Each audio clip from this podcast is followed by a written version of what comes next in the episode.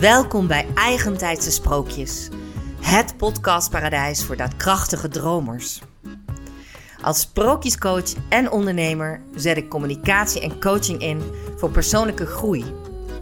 Met hulp van sterke rolmodellen en krachtige verhalen moedig ik je aan om vrij, verbeeldingrijk en vol vertrouwen je eigen sprookje waar te maken. Mijn naam is Lapol en mijn magische missie: No fear, no fairy tale. I might have a gypsy soul, but I wonder if being free means being individual. Dag luisteraars. Vandaag is bij mij te gast Anja Leinders. En Anja en ik kennen elkaar denk ik een jaar of drie ongeveer. En ja, de term die jij toen gebruikte om jezelf voor te stellen, die is bij mij ook altijd blijven hangen. Die plakte eigenlijk meteen. En dat is pure powervrouwen. Zo zie ik jou in ieder geval ook. Daarom ben je bij mij ook te gast met een heel speciaal verhaal. Wat jij zo meteen uh, wat we gaan uitpluizen. Maar zou je wat meer willen vertellen over jouzelf? Ja, ik heb dus inderdaad het uh, platform Pure Powervrouwen opgericht. En uh, dat heb ik gedaan om vrouwen te helpen om krachtig en tegelijkertijd vrouwelijk in het leven te staan.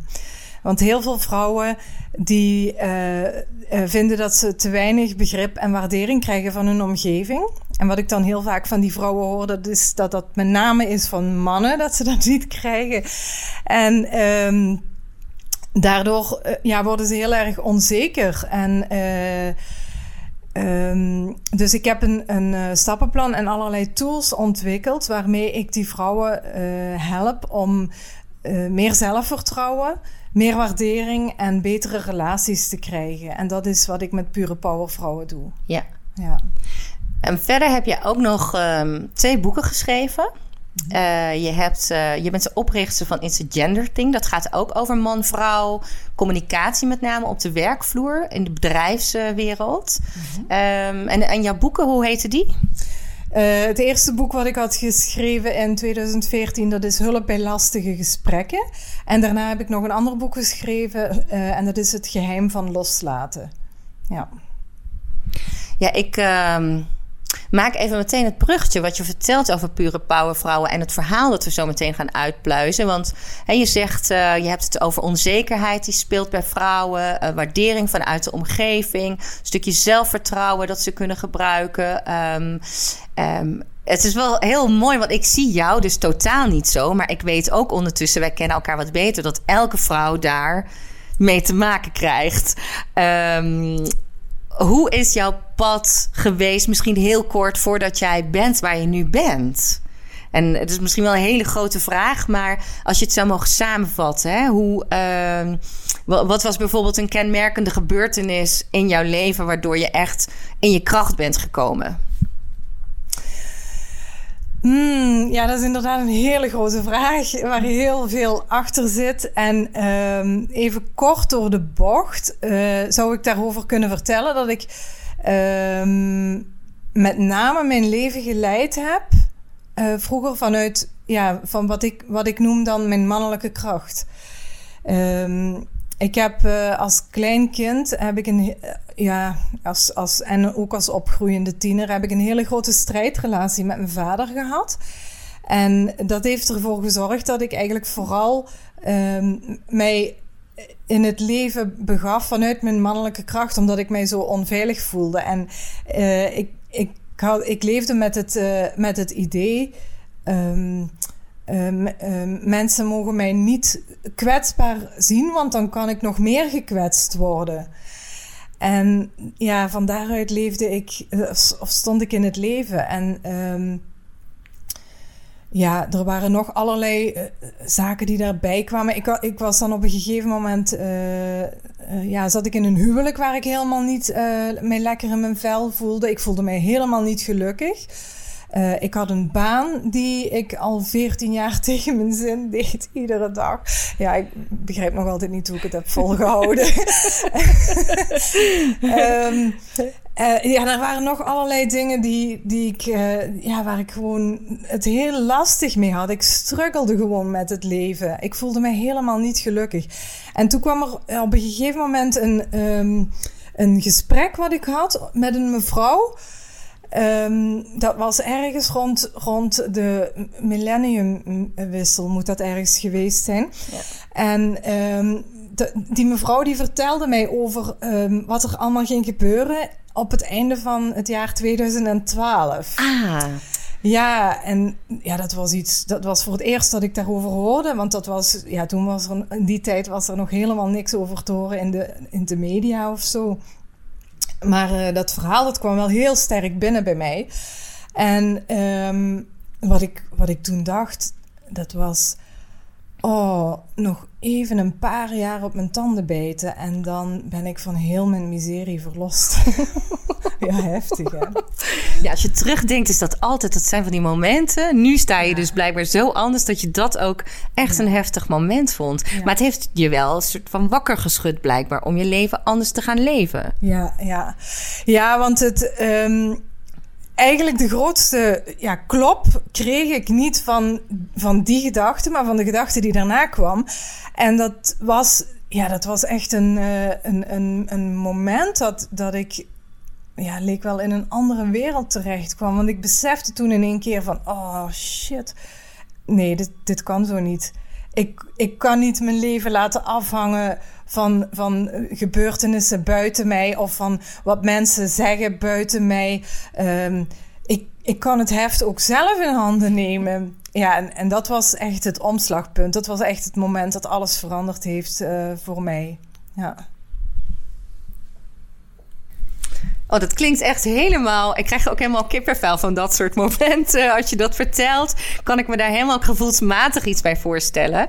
Ehm, we maken even een sprong, want uiteindelijk heb ik je uitgenodigd om, nou, wel in die kracht, want in die kracht voel ik dit verhaal wat jij ehm, hebt doorleefd. Eh, want er is natuurlijk heel veel gebeurd na dat moment wat je net beschrijft. En jij hebt op een bepaald moment in jouw leven besloten. Ik ga mijn eigen huis bouwen. Met 40 of 50 vrijwilligers. Nou, meer dan honderd waren het er. Nou ja, toen je me dat vertelde, toen dacht ik echt... Mijn eerste vraag was... What the fuck? Wie besluit nou om, om haar eigen huis te gaan bouwen? Voor mij is dat iets groots. Hè, want ik heb zelf een huis. Ik heb een eigen huis van stenen, bakstenen. En ik, eh, de, alleen al de, de binnenkant een beetje verbouwen en een keuken aanleggen. Dat vond ik al best wel een klus. Maar ja, de eerste vraag die dus bij mij eh, op mijn lip ligt is... Waarom wil je zoiets? Ja, dat is, ehm, ja, daar is natuurlijk ook heel veel aan vooraf gegaan aan zo'n beslissing. Hè? Want het, ja, het is ook in een, in een bepaalde fase van mijn leven eh, eh, gebeurd. Ik had, eh, ehm, dus na dat, na dat grote moment waar ik het net over had, ehm, heb ik de stap gezet. Die dag heb ik de stap gezet om, eh, om te gaan scheiden. ja, ik ben toen eh, weggegaan van mijn man. Ehm, ik heb daarna een nieuwe relatie gekregen met een man waar ik drie jaar een latrelatie mee heb gehad. En ja, na die drie jaar hadden wij besloten van oké, we zijn klaar voor de volgende stap. We gaan samenwonen. En die man die woonde eh, een uur bij, van bij mij vandaan toen. Ehm, en eh, ja, wat we besloten hadden, dat was dat ik mijn huis waar ik toen in woonde, wat ik, wat ik gekocht had na de scheiding, eh, dat ik dat te koop zou zetten en dat ik bij hem zou, zou gaan intrekken. Dat was de, de eerste fase hè, van, van dat samenwonen. Eh, maar daar, ja, daar moest wat anders voor gebeuren ook. Ik heb toen een, eh, ja, een juridisch traject moeten afleggen om mijn kinderen met mij mee te kunnen eh, krijgen. Want dat, ik wilde het overwicht in de opvoeding hebben. En dus dat waren de twee grote stappen die we hadden gedaan. Mijn huis te koop zetten en dat juridisch traject. Wat, wat overigens eh, wel geslaagd was, dat juridisch traject. Want de rechter heeft toen beslist dat ik, mijn, eh, eh, ja, dat, dat ik het overwicht in de opvoeding mocht hebben. Ehm, En toen kwam dus eh, het moment van het samenwonen. En op de vooravond van het samenwonen, toen zei die man... "Hm, ik zie dat niet meer zitten, dat samenwonen. Echt waar? Oh my god. Ja, ja, dus dat was even een hele zware domper toen. Toen heb ik mezelf een week de tijd gegeven om, eh, om te beslissen over dat huis, wat, wat nog steeds te koop stond. Want dat was, eh, dat was toen twee jaar na de grote crisis. ehm, en eh, ja, dat heeft toen wel enkele maanden stond het al te koop. En ehm, dus ik heb me een, een, een week de tijd gegeven. En gedurende die week ja, is het echt als een razende tekeer gegaan in mijn hoofd. Ja, ik, ik verbaas me dat je niet... Heb je de relatie eh, niet verbroken te- destijds? Het was gewoon een domper en je ging wel door met de relatie? Nee, de relatie die, die is toen gestopt. Want Ja. dat, is, ja, hij- dat, is, dat was de boodschap die hij, eh, die hij mij bracht. Dus dat niet eh, zien zitten van het samenwonen was niet het enige, het enige ding. Maar hij zag de relatie op zich al ja, niet meer zitten. Ja. Dus die relatie die is toen gestopt, ja. Ehm, maar goed, ik had mij dus die week bedenktijd gegeven van ja, wat ga ik nou doen met dat huis? Ga ik nou het huis terug van de markt afhalen of ga ik het toch blijven te koop stellen en, en toch verhuizen naar die nieuwe streek? En eh, na die week heb ik toch tot ben ik toch tot de conclusie gekomen dat ik wilde verhuizen. Want het samenwonen was niet de enige reden waarom, waarom dat ik naar die, eh, naar die streek, wil, naar de Maaskant wilde verhuizen. Ehm, er waren nog allerlei redenen. Dus ja, heb ik dat beslist van oké, ik ga eh, toch verhuizen. dus het huis is op de markt blijven staan. Eh, en eh, ja, ik ben dan stilletjes aan gaan, gaan zoeken om een huis te kopen. Ehm, allerlei huizen gezien, maar ja, ik had dan wel een eisenlijstje ook wel. en dan wel, ik heb geen enkel huis tegengekomen wat, eh, wat voldeed aan mijn, eh, aan mijn eisenlijstje. Drie pagina's, A4, dubbelzijdig. ja, zoiets, ja. waren er best wel veel. Ja. De eisenlijst die de meeste vrouwen aan de mannen stellen. hè? Zo zou je het kunnen stellen, ja. ja. En eh, ja, nadat ik... eh, ik, weet, ik weet niet meer hoeveel huizen dat ik heb gezien. Maar op een gegeven moment dacht, dacht ik van... Ja, weet je, ik kan nog verder op zoek gaan... en nog honderd huizen gaan bekijken... En die niet, allemaal niet voldoen aan mijn eisenlijstje. Hè, de kans was heel groot dat dat ging gebeuren op die manier. Eh, waarom ga ik niet zelf mijn huis bouwen? Dacht ik toen. En toen ehm, werd ik meteen teruggeworpen in de tijd. ehm, toen mijn jongste zoon geboren was. Ehm, toen eh, wa- was ik dus nog getrouwd. En eh, die heeft van kleins af aan, toen hij echt nog een hele kleine baby was, had hij meteen heel veel last van astma. En ik heb toen altijd geloofd dat dat kwam door de producten die wij in ons huis, ja, waar ons huis mee gebouwd was. Het was een gewoon stenen huis wat ik toen met mijn ex-man had gebouwd. En eh, ik, ik dacht toen van, oh, wat moet het geweldig zijn om ooit eens een heel, helemaal ecologisch gebouwd huis te bouwen.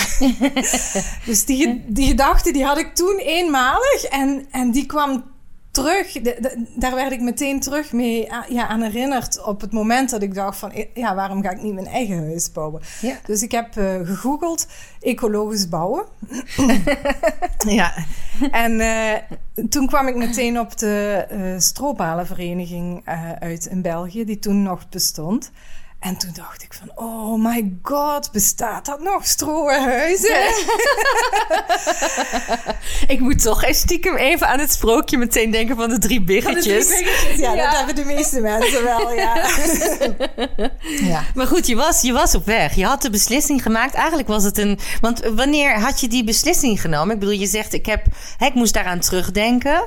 Maar gaat dat dan, viel dat dan samen met eh, eh, dat je al besloten had? Of dacht je toch van, ik ga me eerst eens informeren via Google? Of had je stiekem ergens intern de beslissing al genomen? Mm, ja, dat, dat kan ik niet meer zo helemaal terughalen. Eh, eh, maar wat ik, wat ik wel weet, dat was toen ik op die website van die strobalenvereniging eh aan het kijken was. Toen voelde ik, eh, ja, eh, dat is iets. ehm, ik voelde op dat moment alsof er een, een koord aan mijn zonnevlecht zat en waar dan aan getrokken werd of zo. En ik heb dat op nog wel een paar momenten in mijn leven gehad. Dus ik voel dat dan echt lijfelijk. En dan weet ik van ja, dit is, dit is wat ik moet doen. Hier- hier- de- de- deze weg moet ik gaan. En als ik hier weerstand aan ga geven, dan ga ik alleen maar eh, problemen op mijn pad halen. Dus laat ik dan maar voor de korte pijn gaan. De weg van de minste weerstand. Alles goed. Ja. ja. Ja. En eh, dus ik, ik ben wat gaan, gaan, eh, gaan zoeken op die website. En ik zag dat zij ook eh, workshops gaven. Want ja, ik, ik, ik voelde dus heel goed van ja, dit is wat ik moet doen. Maar ik wilde tegelijkertijd ook niet alleen aan die zonnevlecht dat voelen. Maar ik wilde ook wel met mijn handen voelen hoe het was om met die materialen te werken en zo. Dus ehm, zij organiseerde workshops. En eh, ik herinner mij dat zes dagen later toen was er een workshop. Dus ik heb meteen de telefoon gepakt en ik zeg ja, ik wil me graag nog aanmelden voor die workshop die komende zaterdag eh, gaat doorgaan. En die mevrouw die ik aan de lijn had, die zegt van oh, maar je hebt wel geluk hoor. Want wij zijn normaal gezien eh, maanden op voorhand al volgeboekt met, voor onze workshops. Maar er is net iemand die afgezegd heeft. Nou ja. Ja, en dus je kunt er nog bij eh, zaterdag. Ja, vond ik helemaal te gek. Ja, ik, ik pak hem ook, want eh, dit is eigenlijk ook weer. Ik, ik hoor ook best wel veel in de zin van: eh, God, je, je neemt zo'n. Je, zo'n- je hebt zo'n ingeving, je zegt het, ik voel dat lijfelijk aan dat koord. En jij onderneemt dan actie. En je zegt ook van: ik kies voor de kortste pijn. Daar, vind ik, daar, wil, daar wil ik gewoon even opnieuw zeggen, omdat het volgens mij zo belangrijk is als je dingen voor elkaar wil krijgen uiteindelijk. En als je, hè, deze podcast is toch ook echt bedoeld voor vrouwen die grotere dromen hebben. Of die hè, stappen willen gaan zetten die ze misschien nog niet durven. Of waarvan ze denken, oh, moet ik dat wel doen? Puur omdat ze zo'n gevoel hebben. En jij vertelt nou net, ja, ik had dat gevoel. Dat was een eerste hint. En daarna ben je wel gaan kijken... Ga ik het met mijn handen kunnen? En dan blijkt inderdaad, fok, zo'n workshop is niet vol. En je kan daar instromen. Ja, ja, ik heb in mijn leven eh, eh, daarvoor heb ik heel vaak de ervaring gehad eh, dat ik ook dingen aanvoelde van, van zaken die ik, ja, die ik moest doen. Dat dat mijn weg was om, om, om te gaan. En dan had ik allerlei, ja, dan zag ik allerlei beren op de weg. En dan deed ik toch niet wat ik, wat ik eigenlijk hoorde te doen. En dan, ehm, ja, wat ik, wat ik dan merkte, dat was dat ik heel veel weerstand op mijn weg kreeg. En, en eh, nou ja, weerstand in die zin eh, van heel veel zaken die mij toch naar, naar die beslissing toe leidden. Ah, Ja, ja. En, ehm, en dat zorgde ervoor dat dat pad altijd heel moeilijk was. Gewoon door die weerstand die ik zelf creëerde. eh, en vanuit dat denken. En ja, dat had ik op een gegeven moment kreeg ik dat mechanisme door. Dus ja, dacht ik van ja, nou maar de weg van de minste weerstand. Ja. ja. Ja. Ja. En, nou, en, toen, en toen stap je dus in bij die workshop. ja, ja. Oh, wacht. Toen stapte je dus in bij die workshop. Ja, dat klopt. Toen was die dag van de workshop. En ja, die dag die begon met ehm, eh, dat we ons allemaal... eh, een, een voorstelrondje was het, hè? Dus de vraag was om eh, ook te, eh, te vertellen in welke fase van, van de bouw... of, of welke fase van, van het hele traject eh, met bouwen dat je, dat je zat. Dus ik, ik stelde mij voor en ik vertelde van... ja, weet je, mijn huis staat nog te koop... Eh, dus ik kan even nog niet bewegen in, in die zin. Hè. Ik, ik heb dat, dat geld van, van de verkoop van het huis heb ik nodig om ook bouwgrond te, te kunnen kopen. Dus, maar ik, ik zei tegen iedereen van, ja, dit, dit voelt zo goed voor mij om hier te zijn. En dat, ja, dat was ook zo. Het, het klopte gewoon voor mijn gevoel. Dus stuur mij die koper voor mijn huis maar op mij af. En dan komt dat wel allemaal in orde, zei ik. Ja, en toen. ehm, eh, de dag was zo ingedeeld dat we in de eh, voormiddag een stukje eh, PowerPoint-presentatie kregen eerst, voordat de, de werkelijke workshop doorging. En ik was dus een, een half uurtje nadat ik mij had voorgesteld, was ik naar die PowerPoint-presentatie aan het kijken en aan het luisteren. En ehm, normaal gezien zet ik dan altijd mijn telefoon af als ik, als ik ergens in een meeting ben of zo. en ja, ergens moet het, eh, moet, moet het aan mij voorbij gegaan zijn. Want ik was het toen gewoon vergeten en mijn telefoon ging af. Ik dacht, oh help, shit, ik ben hier iedereen aan het storen. En eh, ja, ik, ik liep dan toch maar even naar buiten om, eh, om de telefoon op te nemen. En het was mijn makelaar. nee. En die makelaar die zei... eh, Anja, ik heb goed nieuws voor je. Ik heb een koper voor je huis. ja, ja. Ja, en toen... ehm, ja. Het is toch, ik wist dat dit een ongelooflijk verhaal was, maar dit wist ik allemaal niet, hè? ja, ja. Dus... eh, ja, en ja, het, het was ergens iets heel euforisch in mij. En tegelijkertijd dacht ik van... Ja, dit klopt. Dit klopt gewoon. ja. Het klopt gewoon, past gewoon in het plaatje, in het hele verhaal. Maar eh, toen begon het dus heel hard in mijn hoofd eh, weer te ratelen. ging dat hoofd weer heel ha- hard tekeer. Want toen dacht ik van, oh, ehm, als, nou, als nou de komende week de verkoopovereenkomst wordt getekend... dan eh, wil dat dus zeggen dat ik binnen vier maanden uit mijn huis moet.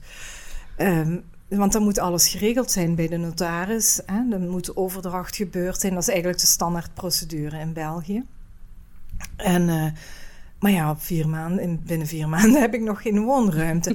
Oké, dus wat, wat, is dan, wat is dan de... Hè? Ik ben nu de interne proces in mijn hoofd toen op dat moment ben, hè, ben ik aan het vertellen. Oké, dus wat is dan eh, de oplossing? Oké, dan heb ik tijdelijk wo- woonruimte nodig. Goed, tijdelijk woonruimte, die kan ik wel ergens vinden. Ehm, worst case moet ik terug intrekken bij mijn ouders. Dat was echt worst case. Want hoe oud was je? Eh, ik was toen eh, eind eh 30. Eh, ja. Ja. Dus, en ik had eh, opgroeiende, Twee kinderen. opgroeiende pubers, twee, twee jongens, ja. Dus eh, ja, die nam ik, die, die moest ik meenemen natuurlijk dan. Ja. En eh, toen ben ik tijdens de pauze ben ik, eh, naar de architect gestapt. De architect was degene die de PowerPoint-presentatie leidde. En ik heb hem gevraagd... eh, ja, ik zeg Peter, ehm, hoe lang duurt het eigenlijk minimum om zo'n huis neer te zetten? Want ja, ik, ik, ik had wel al een huis gebouwd met mijn ex-man, maar dat was een stenen huis. En dit was een totaal ander concept van bouwen. Eh, dus daar, daar wist ik helemaal niks van. En hij moest toen eh, wel heel hard lachen. En eh, hij zei toen, ja, we hebben in onze vereniging hebben we een koppel gehad. Die hebben allebei drie maanden loopbaanonderbreking genomen van hun werk. Die hebben drie maanden keihard gewerkt. En na die drie, maanden zijn ze in hun huis kunnen gaan wonen. Wauw. Ja, en eh, toen dacht ik van, oké. een koppel, drie maanden, dus dat zijn zes manmaanden. Ik ben een alleenstaande vrouw. Ehm, maar ik, ja, ik heb wel wat vrienden die mij waarschijnlijk, als ik dat vraag, dan, eh, dan zullen die mij vast wel wel willen helpen. Vier of vijf of zo, dacht ik toen. Ehm, en, eh, en ik heb vooral geen zin om eh, twee jaar bij mijn ouders in te wonen tijdelijk. met mijn twee opgroeiende pubers. Ja, dat was een goede drive. Ja, dat was, dat was een goede drive. Dus ik ga dat in vier maanden doen. Ja, toen daar op dat moment heb ik die beslissing genomen. Op vier maanden moet dat, moet dat bouwproces gewoon eh, klaar zijn. En ehm, ja, ik sprak dat uit aan de architect. En eh, ja, hij moest er heel hard mee lachen. ik, ik weet niet wat er toen door zijn hoofd is gegaan. Ik heb het hem niet gevraagd. Maar, eh, maar hij zei wel, ik geloof daarin. Ik geloof in jou, zei hij. Ja, en dat was voor mij een heel belangrijk moment. Want toen ik... ehm, ja, dat was voor mij eigenlijk de start van iets wat er ging... Ja, wat er ging komen, was gewoon een werkelijkheid voor mij. Ik, eh, dus, dus dat hele proces eh, ging toen op gang. Dat, dat huis eh, werd verkocht. Dat, dat was eind augustus van dat jaar. Eh, begin september heb ik meteen bouwgrond gevonden. Eh, ben ik meteen eh, begonnen met de architect om, om het plan te gaan uitwerken van het huis. Ehm, en, ja, en, en de verhalen binnen de familie en zo, die werden ook verteld. Van ja, ik ga een huis bouwen. en iedereen van de familie en, en van mijn directe omgeving, die hadden allemaal zoiets van... Dat ga je toch niet doen? Dat meen je toch niet? Want wat, eh, wat, wat was ehm, de, de reden om te denken van uit de omgeving, nou, maar dat doe je toch niet? Ja, de eerste reden was dus omdat ik een alleenstaande vrouw was. Ik eh, had op dat moment geen werk. Ik was werkloos op dat moment.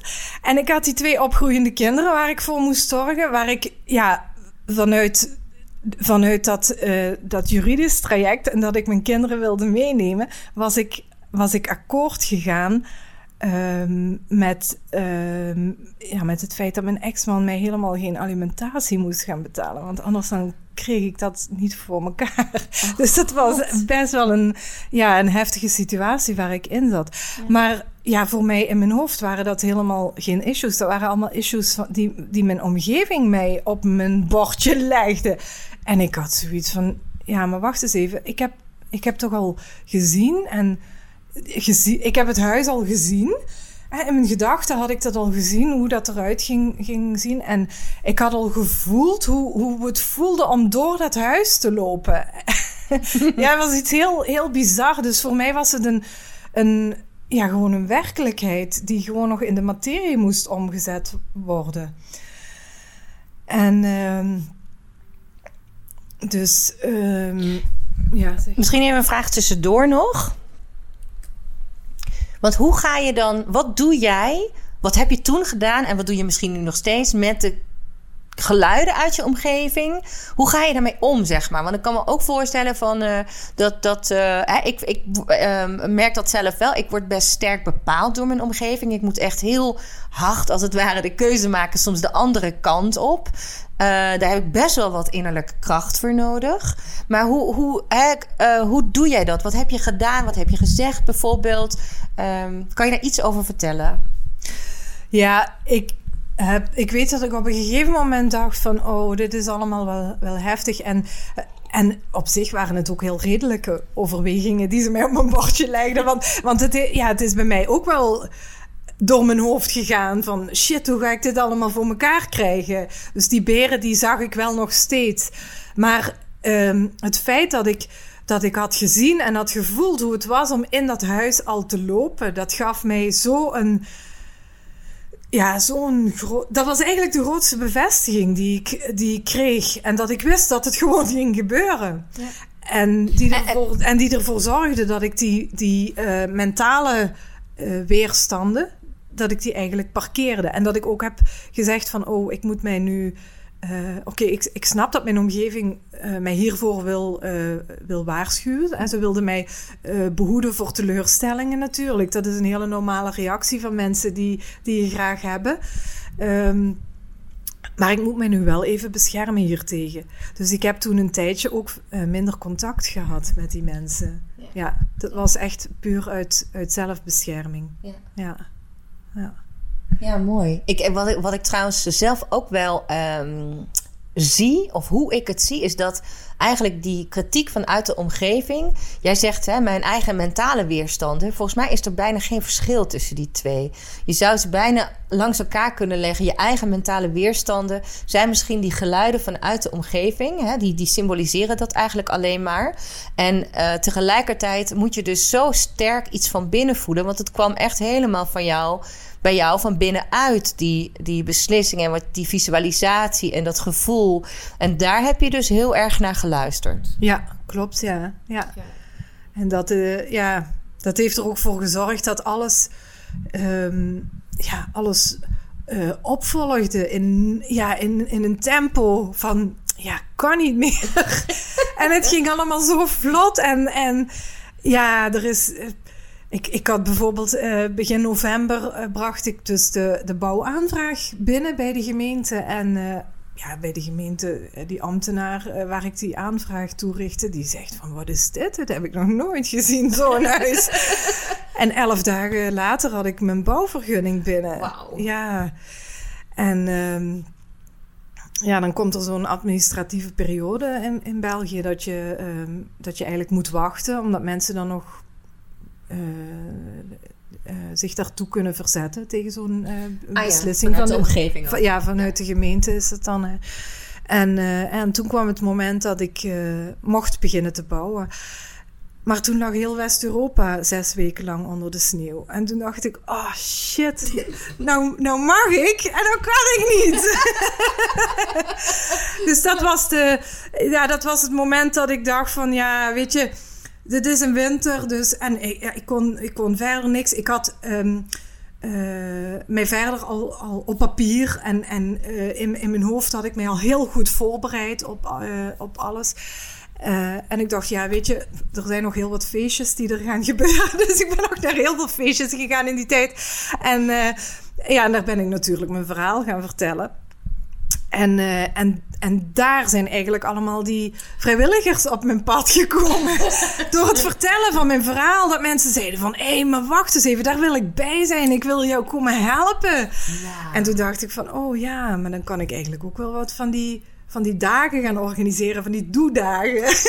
Wat goed. Je hebt het gewoon helemaal in je eigen voordeel gebruikt. Ja, Al die ja, omstandigheden. Ja, ja, ja, klopt, ja. En, ehm, eh, maar dat waren, ja, dat waren dan een paar mensen die, die dat zeiden. En ehm, dan heb ik op een gegeven moment gezegd van... ja, ik, ik, kan, ik kan dit ook ehm, met een hefboomwerking hier, eh, hiermee omgaan. Dus ik heb... wat, wat, is, wat is dat, een Ja, hefboomwerking? Ja, hier, dit, dit nog groter gaan uitzetten. En dus ik heb op een gegeven moment heb ik een e-mail gestuurd. Eh, en ik had dat eh, naar 200, ongeveer 200 mensen uit mijn eigen netwerk, eh, vrienden en familie, gestuurd. Of ja, geschreven, moet ik eerst zeggen. Want eh, ik had erin in verteld in die mail van ja, dit is, dit is het zotte plan wat ik, wat ik heb. wat ik heb bedacht en ik wil dat in vier maanden gaan doen. En heb je zin om mij te komen helpen? Maar voordat ik die send-button had geduwd, oh my god, was ik aan het bibberen met mijn handen en mijn benen. Dat was allemaal zo aan het trillen. Want ja, ik had het- tot dan toe was ik altijd de sterke vrouw en ik deed het wel allemaal alleen. En ik had geen hulp nodig nergens bij. Want dat was dus zeg maar het enge eraan. Want Ja. ik vraag me af inderdaad, waarom was dit zo eng voor jou? Ja, ja, dat was zo eng, omdat ik dan aan de buitenwereld moest zien dat ik niet zo krachtig was dan dat ik eigenlijk mij altijd had voorgedaan. Ja, Ja, je moet toch een huis in je eentje kunnen bouwen? Ja. Wat is dat nou? dus die send-button die is eh, uiteindelijk, na veel eh, trillen en bibberen, was die, is die, eh, heb ik die toch durven klikken. En, en daar hebben meer dan 100 mensen hebben daarop gereageerd van, oh wauw, wat gaaf en ik wil jou komen helpen. Dus toen, ja, toen moest ik nog heel wat andere dingen gaan voorbereiden om te gaan coördineren. Ehm, maar daar had ik toen in die zes weken, ja, die zes sneeuwweken zeg maar, had ik daar de, de tijd voor. En wat ik toen tijdens die, tijdens die zes weken ook heb gedaan, ehm, dat was van... ik zat zo in de frustratie dat ik dus niet vooruit kon. Dat ik niet kon beginnen met de, met, met de handen in de modder, zeg maar. Ehm, dat ik dacht van, oh, nou, weet je wat? Laat ik dan maar eens de kracht van visualisatie gaan toepassen of gaan uitproberen. Dus ik heb twee keer per dag, 30 dagen lang, heb ik gevisualiseerd dat ik eh, droog weer had tijdens die bouwperiode. Oh, wat goed. Wat Eh, handig. Ja, handig, want dat had ik nodig. Want strobalen, ja, die mogen niet nat worden natuurlijk. en dat moest eh, allemaal vooruit gaan als ik dat op vier maanden wilde, wilde gaan doen. En eh, ja, en toen kwam dus eh, in januari, de sneeuw stopte, dus de bouw kon beginnen. En ja, alles ging zo vlot, zo vlot achter elkaar. En die, die doedagen, ja, dat was zo'n feest. Eh, ehm, ja, we waren op een gegeven moment waren we met, eh, met 30 mensen tegelijkertijd eh, daar in een weekend. Ehm, de architect, ja, Ja, want eh, jij coördineerde dat dan? Ja, ja het, het coördineren, dat, ik had er heel goed op voorhand over nagedacht van hoe, hoe ga ik dat nou precies aanpakken. En eh, zodat die ja, 30 mensen op, op een werf, dat is niet niks. En, Dat is en, veel. Ja, dat is veel. En eh, de vraag is dan van, ja, loop je elkaar dan niet voor de voeten? En ik, ik, ik, ik dacht op voorhand, hoe ga ik dat het op de efficiëntst mogelijke manier aanpakken? En wat ik toen op voorhand heb gedaan, ehm, dat was eh, eh, drie mensen eh, van, van mijn dichte omgeving. En van die, van die eerste mensen die zeiden van... ja, ik wil, ik wil jou helpen daarbij. ehm, die heb ik gevraagd van, zie je dat zitten om daar ook een stukje een, een coördinatierol tijdens die doedagen op te nemen. Ik heb die mensen dan op voorhand meegenomen naar een andere strobouw, een ander strohuis wat ze aan het bouwen waren. En ik heb hun dus eigenlijk eh, ja, ingewijd in de stroopbouwtechnieken, zeg maar. Eh, dus ik heb hun daar opgeleid. Eh, en en ja, ook in, met, met behulp van nog een, nog een andere man die, die ook gekend was met stroopbouwtechnieken. En, En, en dat terwijl je eigenlijk pas zelf ook die techniek had geleerd. ja, maar daarom vind, vond ik het ook zo belangrijk dat die andere man daarbij aanwezig was, want die had meer ervaring eh, als mij daar, daarin. Eh, en die drie mensen, die heb ik dan eigenlijk als, ja, als ploegleider, zeg maar, ingezet tijdens, eh, tijdens de doedagen. Ja. En die hebben dan kleine groepjes met hun meegekregen. Terwijl dat ik dan eigenlijk het, het overal coördinerende stuk voor mijn rekening heb genomen. En, en, en, ehm, en gewoon misschien heel, eerst een hele praktische vraag. Want ik, er liggen twee vragen op mijn, eh, in mijn hoofd. Van eh, praktisch eh, eten, drinken. Voor 100 mensen of meer. Ja, een van die honderd, dat was iemand die zei van... ik zal wel voor de catering zorgen. dat was mijn moeder. Die was al lang blij dat jij niet bij haar was komen wonen, natuurlijk twee jaar. nou, dat, dat ben ik... Nee, twee jaar niet. Maar uiteindelijk ben, is, heeft het er wel toe geleid... dat ik bij mijn ouders moest intrekken. Want ik, ja, dat is, dat is een, ja, een stuk... eh, van het proces wat, wat nog steeds heel heftig was eh, voordat de bouw eh, kon beginnen. Inderdaad, ik heb allerlei oplossingen heb ik, bedacht om, om te gaan wonen. Ehm, en ja, om een of andere reden waren er altijd dingen eh, wat niet lukte eh, in die alternatieve oplossingen. En ik voelde met heel mijn wezen ook van ja, dit gaat gebeuren. Ik moet gewoon bij mijn ouders gaan wonen. En hoeveel weerstand had ik ook bot tegen. Ja, het is uiteindelijk toch gebeurd. Ja. Dus eh, ik ben met mijn kinderen inderdaad bij mijn ouders eh, toen gaan wonen. Wat trouw overigens wel heel goed geweest is achteraf bezien. Want er zijn toen eh, in die periode ook gesprekken gebeurd. Dingen uitgesproken die vroeger in mijn kindertijd niet zijn uitgesproken geweest. Dus het was ook een heel helend proces om, eh, om bij mijn ouders terug in te trekken. Ja, Mooi. Ik ben er nog altijd heel dankbaar voor. Ja. Ja, ja. Ja, de, de andere vraag die in mijn hoofd rondwaart is... en dan verplaats ik me gewoon even wat ik zou denken... Hè, op, in zo'n situatie of wat mij zou tegenhouden misschien... of dat is dat ik me af en toe hè, om dingen vragen... kan ook het gevoel oproepen van... amai, ik voel me zo bezwaard. Ik krijg al die hulp en dan komt meteen de gedachte... ja, maar dan moet ik wel iets gaan terugdoen voor die mensen. Hoe ben jij daarmee omgegaan? Ja, dat is iets waar ik mij toen inderdaad ook van bewust was. Eh, dat is iets wat ja, typisch aan, aan de vrouwenmind is.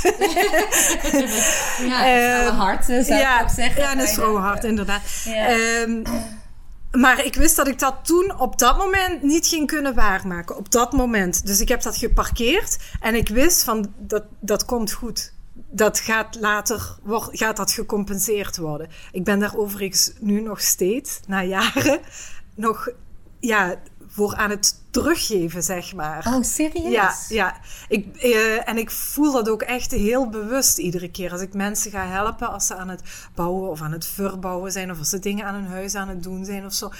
Ehm, ja, doe ik dat nog steeds heel bewust van, oké, die mensen die hebben mij geholpen en dit is, ja, dit, dit voelt zo oké en ja, het is zo oké om dit te doen en nog steeds met een heel dankbaar gevoel ook, Ja. omdat die mensen mij hebben geholpen met het bouwen van mijn huis. Ja, Wauw. ja. Wow. Ja. Dus het is eigenlijk nog in die zin ook helemaal niet af.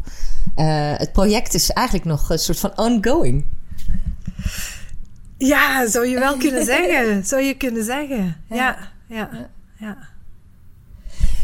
Op een gegeven moment ben je zover dat dat huis, dat, ja, dat vormt zich. Dat is zich aan het klaarmaken voor gebruik, eh, om het maar zo te zeggen. Eh, wanneer, ja, wat, wat gaat er door je heen als je daar met zoveel mensen aan het werk bent? Je ziet dat ontstaan eh, en op een gegeven moment is het af. Ja, af. Helemaal af was het, was het niet toen ik hierin trok. Maar ehm, ja, Ehm, goh, wat gaat er dan door me heen? Weet je, als er zoveel mensen op de werf zijn, dan is er gewoon heel veel te doen. Dus mijn hoofd was vooral heel hard aan het werk eh, om de boel goed te coördineren, maar tegelijkertijd ook gewoon met de handen in de modder te zitten. Ik herinner me een moment dat ik echt aan de, aan de, aan de eh, betonmolen stond. Want die betonmolen die, die gebruikte ik dan om, om de leem klaar te maken. Het huis is voornamelijk uit hout, stro en leem eh, gemaakt. En, maar die leem, dat was dan een mengsel van zand en leem en eh, stro en water. En, en dat moest gemengd worden in die mortelmolen. En eh, ik stond dus gewoon met de schub, stond ik, dat, eh, stond, stond ik te schuppen, stond ik zand en leem te schuppen. En eh, toen stond er een van die vrijwilligers, die stond naast me en die zegt van... Oh Anja, dit is toch zoiets bijzonders wat je hier aan het doen bent. En dan dacht ik, ik keek haar aan en ik zei van... Oh, ja, ja, het is eigenlijk wel bijzonder. Want ik was gewoon op dat moment was ik gewoon aan het, aan het schuppen. ik was gewoon bezig met, ja, met, met dingen doen, met dingen regelen. En, eh, eh, maar ik, ja, ik realiseerde mij toen van ja, ik sta er eigenlijk te weinig bij stil hoe bijzonder dat het inderdaad ook Ja. is. En, ehm, maar daar, ja, daar had ik allemaal die andere mensen voor die dat zo bijzonder vonden. En die, de- die, de, die de noodzaak voelden om dat steeds te benoemen. Ja. Ja. Ja, dat heb ik dus ook. Want ik, hè, dat verhaal is bij mij ook blijven plakken. En ik vind het ook bijzonder. En dat komt met name, denk ik, omdat... Ja, een huis is toch iets groots. Hè? Ook al, ik, het is wel grappig, want ik moest net voordat we begonnen ook denken aan...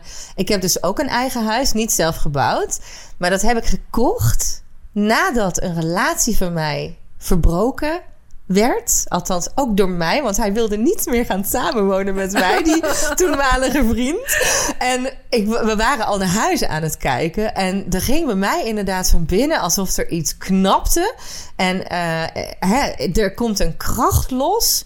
En dat had ik ook toen ik voor mezelf begon als zelfstandige. Toen ben ik echt gewoon knop om in het diepe gesprongen. En nu had ik het ook met, dat mijn, met mijn huis. Ik heb ik geloof dat ik binnen een week, want dat huis hadden we al gezien in de, in de scan van het huis scannen. Maar voor twee personen was het misschien te klein, dacht ik. En, ehm, en dan komt ook omdat mijn vriend destijds een hele enorme bibliotheek had hoor. Want het is best een eh, aardig huis voor één persoon. Want ik heb dus die scan in die week. Nou, ik heb dus binnen een week had ik dat huis gewoon. Heb ik een, eh, een visiting geregeld, zeg maar. Hè, dat ik het kon eh, bezoeken. Eigenlijk had ik toen al. Ik kwam daar aan en ik dacht meteen: ja, dit is mijn huis. Gewoon instant. En nou, de financiering heeft toen iets langer geduurd, omdat ik zelfstandige was. Was net wel voor de crisis, dus ik heb het gewoon nog kunnen kopen op mijn eh, verdiensten, zeg maar, als zelfstandige alleenstaande vrouw ook. Dus het was ook best pittig proces, ook ondersteund door mijn ouders, nota bene. Maar eh, ja, er gebeurt iets op momenten. Hè, er komt een soort kracht los. En, en dat, dat voelt wel als heel bijzonder. Want daardoor heb ik. En ben ik voor mezelf begonnen. Dat heeft me heel veel gebracht. Ik heb een eigen huis gekocht. Dat heeft me heel veel gebracht.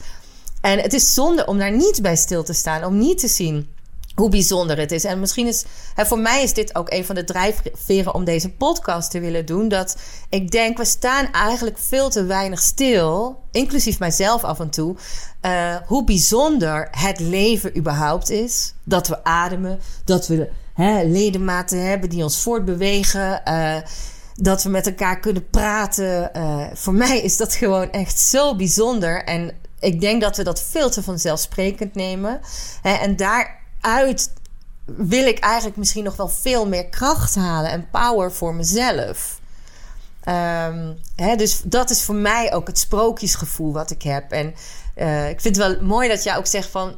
ik stond er niet bij stil, maar ik werd er wel aan herinnerd door mijn omgeving. En als ik je nu dan vraag, hè, hoe, hoe sta je er nu in? Want ik bedoel, we glunderen allebei. Ik zie je ook glunderen. Jullie zien dit niet, maar ik zie haar ogen glunderen bij het vertellen van dit verhaal ook. Hoe sta je er dan nu in?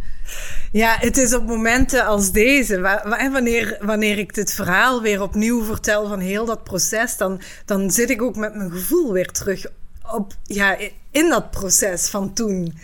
En, eh, ja, en op zo'n momenten kan ik, kan ik weer die, ja, weer voelen hoe bijzonder dat inderdaad is, ja. Ja. Ja, En maar, ik denk maar, ook- ook, maar ook heb ik daar jou nu weer voor nodig om mij daar weer, weer aan te herinneren. Ja, ja. ja, ja. Dus het is goed om elkaar te herinneren af en toe aan hoe bijzonder de dingen zijn die je zelf doet, hè, of die dus een ander doet, in dit geval jij. Ehm, eh, maar ja, en, en wat misschien het bijzonder, want ik denk, en daar wil ik toch misschien nog even bij stilstaan, dat het gek genoeg voor een alleenstaande vrouw, want dat hoe woord raast een beetje door mijn hoofd, dat het daarom zo bijzonder is ook. En dat is eigenlijk best wel erg. Een- eh, alsof een alleenstaande vrouw, hè, maar ik snap dat wel, want ik ben ook van een generatie. Mijn moeder is helemaal niet zelfstandig in heel veel opzichten. Het is een schat van een vrouw, maar niet zelfstandig. Ja, ik, ik denk, ehm, voor, mij was dat toen, eh, op het moment van de beslissing, was dat niet het grootste tegenargument. Was eigenlijk het grootste tegenargument dat ik toen op dat moment werkloos was. Die financiële overwegingen, dat was eigenlijk de grootste weerstand die ik in mijn hoofd had zitten toen. Ja. Ja. En het feit dat je, want hoe heb jij daar, zeker als pure powervrouw, hè, ehm, hoe sta je daar dan? Heb jij wel ooit gedacht van dat je vrouw zijn een handicap is om een achterstand geeft om dingen te doen of te laten? Mm, nee, ik denk dat ik daar eh, een aangeboren gebrek voor heb of zo. nee, nee dat, is, dat is nooit een issue geweest voor mij, nee. Nee. Dus financiën waren wel een issue. Ja, Eh, wat waren jouw andere beren? Ja die, de andere bij- bijkomstige was natuurlijk wel dat ik een eh, alleenstaande vrouw was. Eh, maar, maar ook dat ik eh, een verantwoordelijkheid te dragen had richting mijn kinderen. Dus dat ik mijn kinderen een, ja, een fatsoenlijke omgeving moest kunnen bieden. Ja. Ja, v- ik heb het gevoel dat we ook een beetje rond zijn met het verhaal. Jij? Ja, nou, misschien nog even vermelden. Vier maanden was mijn doel. Vier maanden en vijf dagen later ben ik in het huis gaan wonen. Die vijf dagen die vergeef ik mezelf graag. ja. Ja, En wat, wat eigenlijk ook wel heel mooi was, eh, heel bijzonder was, toen, eh, toen ik in het huis woonde, toen heb ik eh, na enkele weken heb ik eh, de architect en zijn vrouw eh, uitgenodigd voor een etentje thuis. En eh, toen ook die mensen die zeiden weer van, oh Anja, dit is zo bijzonder, want de architect die moest drie of vier werfvergaderingen in één keer doen. Die kregen het allemaal niet bijgebeend. en eh, ik zeg, ja Peter, weet je, ik heb dat allemaal aan jou te danken. Dat is door het verhaal wat jij hebt verteld over dat koppel. En toen zegt hij, welk koppel? En ik vertelde hem dat dus, wat hij verteld had over dat koppel, hè, van die drie maanden en, en, en die werk, of, of die loopbaanonderbreking. En toen moest hij zo hard lachen. En toen zegt hij, ja, het spijt me Anja, maar ehm, ik moet dat daar toen ter plekke uit mijn duim gezogen hebben. Nee. ja, ja. Om jou te motiveren. Om mij te, om mij te motiveren, inderdaad. Ja, ja, ja. Wauw, wat fantastisch. Ja, ik krijg er nu nog steeds kippenvel van. Ja. Ja. ja, en ik heb toen, jaren later heb ik in een, eh, in een training gezeten waar het, waar het ging om, eh, om een doorbraak te kunnen eh, realiseren eh, ehm, binnen je leven. En een van de argumenten of, of een van de, van de tools, zeg maar, die werden aangereikt om een doorbraak te kunnen creëren, dat, was, dat was om. ehm, eh, ja, ik weet niet meer exact hoe het werd benoemd, maar dat ging over eh, eh, het niet hebben van voorkennis. Blanco ergens instappen. Blanco ergens instappen, zelfs op een naïeve manier ergens instappen. En dat, dat kwam zo hard binnen toen bij mij. En toen dacht ik van ja, dat is precies wat ik heb gehad op het moment dat ik eh, mijn huis ging bouwen. En dat, Ja. dat de architect dat verhaal vertelde. En, eh, maar toen realiseerde ik mij ook van oh my god, wat, ja, wat, wat kan een mens? Tot wat is een mens in staat als je gewoon blanco ergens instapt? En gewoon ervan uitgaat. Gewoon simpelweg naïef ervan uitgaat dat het, dat het gewoon lukt. Ja. En niet alleen natuurlijk gelooft dat het lukt, maar verder ook je- gewoon je hoofd en je denken aan het werk zet om, om dan die stappen te kunnen zetten. Om praktisch gewoon te gaan denken. Ja, precies. Want je moet er wel uitvoering aan geven. Hè? Ja, En ik hoor je ja. ook een aantal dingen zeggen. Hè? Je verlangen uitspreken naar je omgeving toe. En ook je plannen uitspreken naar je omgeving toe. Om hulp vragen zit erin. Ja. Eh, inderdaad, wel echt de, de, de dromen die je hebt of het verlangen heel concreet maken. Eh, er zitten wel echt een aantal stappen eh, als we het hebben over creatie en doorbraken. Het is wel grappig dat je het zegt, want ik heb hetzelfde gehad. Hè. Daar straks vertelde ik over dat ondernemerschap. Eh, ik wist ook van niks. Ik ben daar ook heel blanco in gestapt. En het grappige is, destijds, in 2005 heb ik het nu over, dus 14 jaar geleden. Mislukken kwam niet in mijn woordenboek voor. Er was gewoon geen enkele gedachte in mijn hoofd dat dit wel eens zou kunnen mislukken. En ik kan dat nu nog steeds niet verklaren, want hè, twee jaar geleden ben ik opnieuw begonnen met, dit sprookjes, eh, met de sprookjesonderneming. Toen ben ik hele andere dingen tegengekomen. Er liggen ook andere lessen nu hè, voor mij klaar om te leren. Maar destijds, ik ben gewoon gesprongen en gegaan. Ik was binnen zes maanden was ik financieel onafhankelijk. Terwijl ik, ik had geen startkapitaal, geen ondernemerskennis, geen netwerk. Ja, piepklein netwerk. Geen eh, ook geen plannen van dit en dit. Die stappen moet ik zetten. Ik ben het gewoon gaan doen. Ja, ja. ja dat, sommige dingen kun je gewoon ja, niet verklaren hoe dat zijn, zijn gewoon magisch. Ja, ik heb dat ook gezien bij het. Ik vertelde toch zo net dat ik eh, een maand lang gevisualiseerd had dat ik vier maanden droog weer zou hebben. Nou, Heeft het geregend? het is, ja, het, het is gewoon echt. Ik, ik durf het bijna niet uit te spreken, want dan denk ik van ja, dat mensen zoiets hebben van ja, wat, wat, wat is ze nou aan het vertellen? Maar het is het droogste voorjaar wat ze, wat ze ooit hebben gemeten.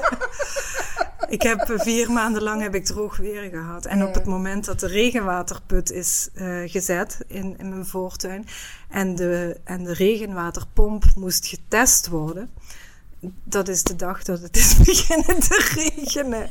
Ja, het is, ja sommige dingen zijn gewoon te ongelooflijk om, om voor waar aan te nemen. Maar ja, het is wel zoals het gebeurd is.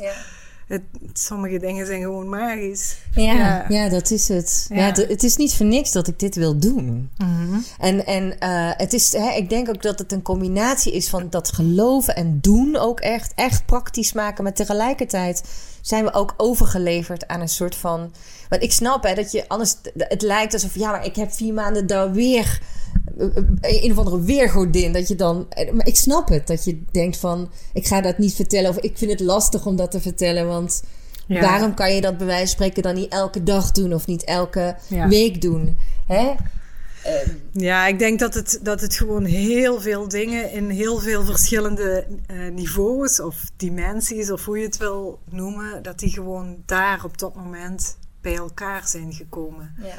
En, en eh, ik denk dat het, als je, als je leeft vanuit je, vanuit je werkelijke gevoel, dat je dan daar aansluiting mee kunt vinden. Ja. Dat, dat is, ja, klinkt heel erg vaag, heel erg zweverig misschien, maar eh, ja, dat is, dat is in ieder geval de, de conclusie die ik voor mezelf heb gemaakt al een tijd geleden. Ehm, als ik daar een, een, een, een mentale uitleg voor, voor wil geven over hoe magisch en hoe bijzonder en hoe vlot eh, ja, dat allemaal die dingen op elkaar volgden en, en hoe, hoe dat gerealiseerd is kunnen worden. Ja. Ja. Ja, het komt natuurlijk vaker voor. En, en het is ook zeker niet zo dat op het moment dat het samenkomt, dat, je, dat het altijd makkelijk misschien is in de zin van, of je moet nog steeds wel werk verrichten. Je bent nog steeds aan het doen. Je bent met die handen die modder ingegaan.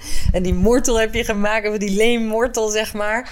Dus, dus dat, dat, eh, dat hoort er wel degelijk bij. Hè? En waarschijnlijk heb je ook lange nachten of lange dagen gemaakt. En, ehm, maar wat je zegt, er kwam iets samen. Je hebt het gevolgd. En nou ja, misschien is dat ook wel een mooie boodschap om mee af te sluiten. Van, ehm, als je een sterk gevoel over iets hebt, volg het dan. Ga er helemaal voor. Ja. Is, is, vat ik dat dan zo mooi samen? Ja, ja, als je voelt dat het klopt, ga er dan voor. En die mentale weerstanden, die kunnen er zijn, maar parkeer ze. Laat ze, geen, laat ze geen invloed uitoefenen op de beslissingen die je daar op dat moment neemt. Als je voelt dat het klopt, ga er dan voor. Ja. Ja, Zonder uitleg ook, zonder de verklaring. ja, Ik denk dat dat het echte vrouwenstuk is. ja. In het hele man-vrouw verhaal. Mhm. ja, ja.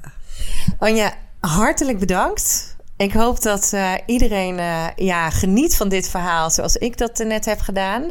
Ehm, misschien nog even praktisch. Heb jij nog een site waar mensen iets meer over jou kunnen vinden? Eh, ja, over mij kunnen mensen uitleg vinden op purepowervrouwen.be. BE mensen. Ze komt uit België met haar prachtige Belgische accent. Had je dat natuurlijk al gespot, maar... Allee, Ja. tot de volgende podcast.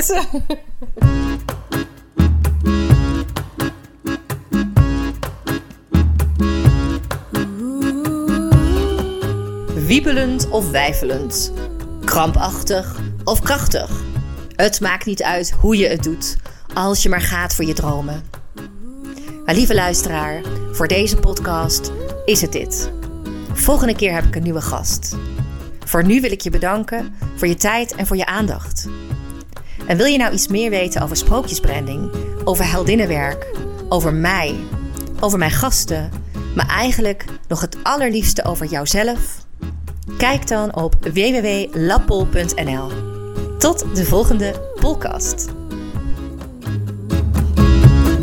I might have a gypsy soul, but I wonder if being free means being in the vision.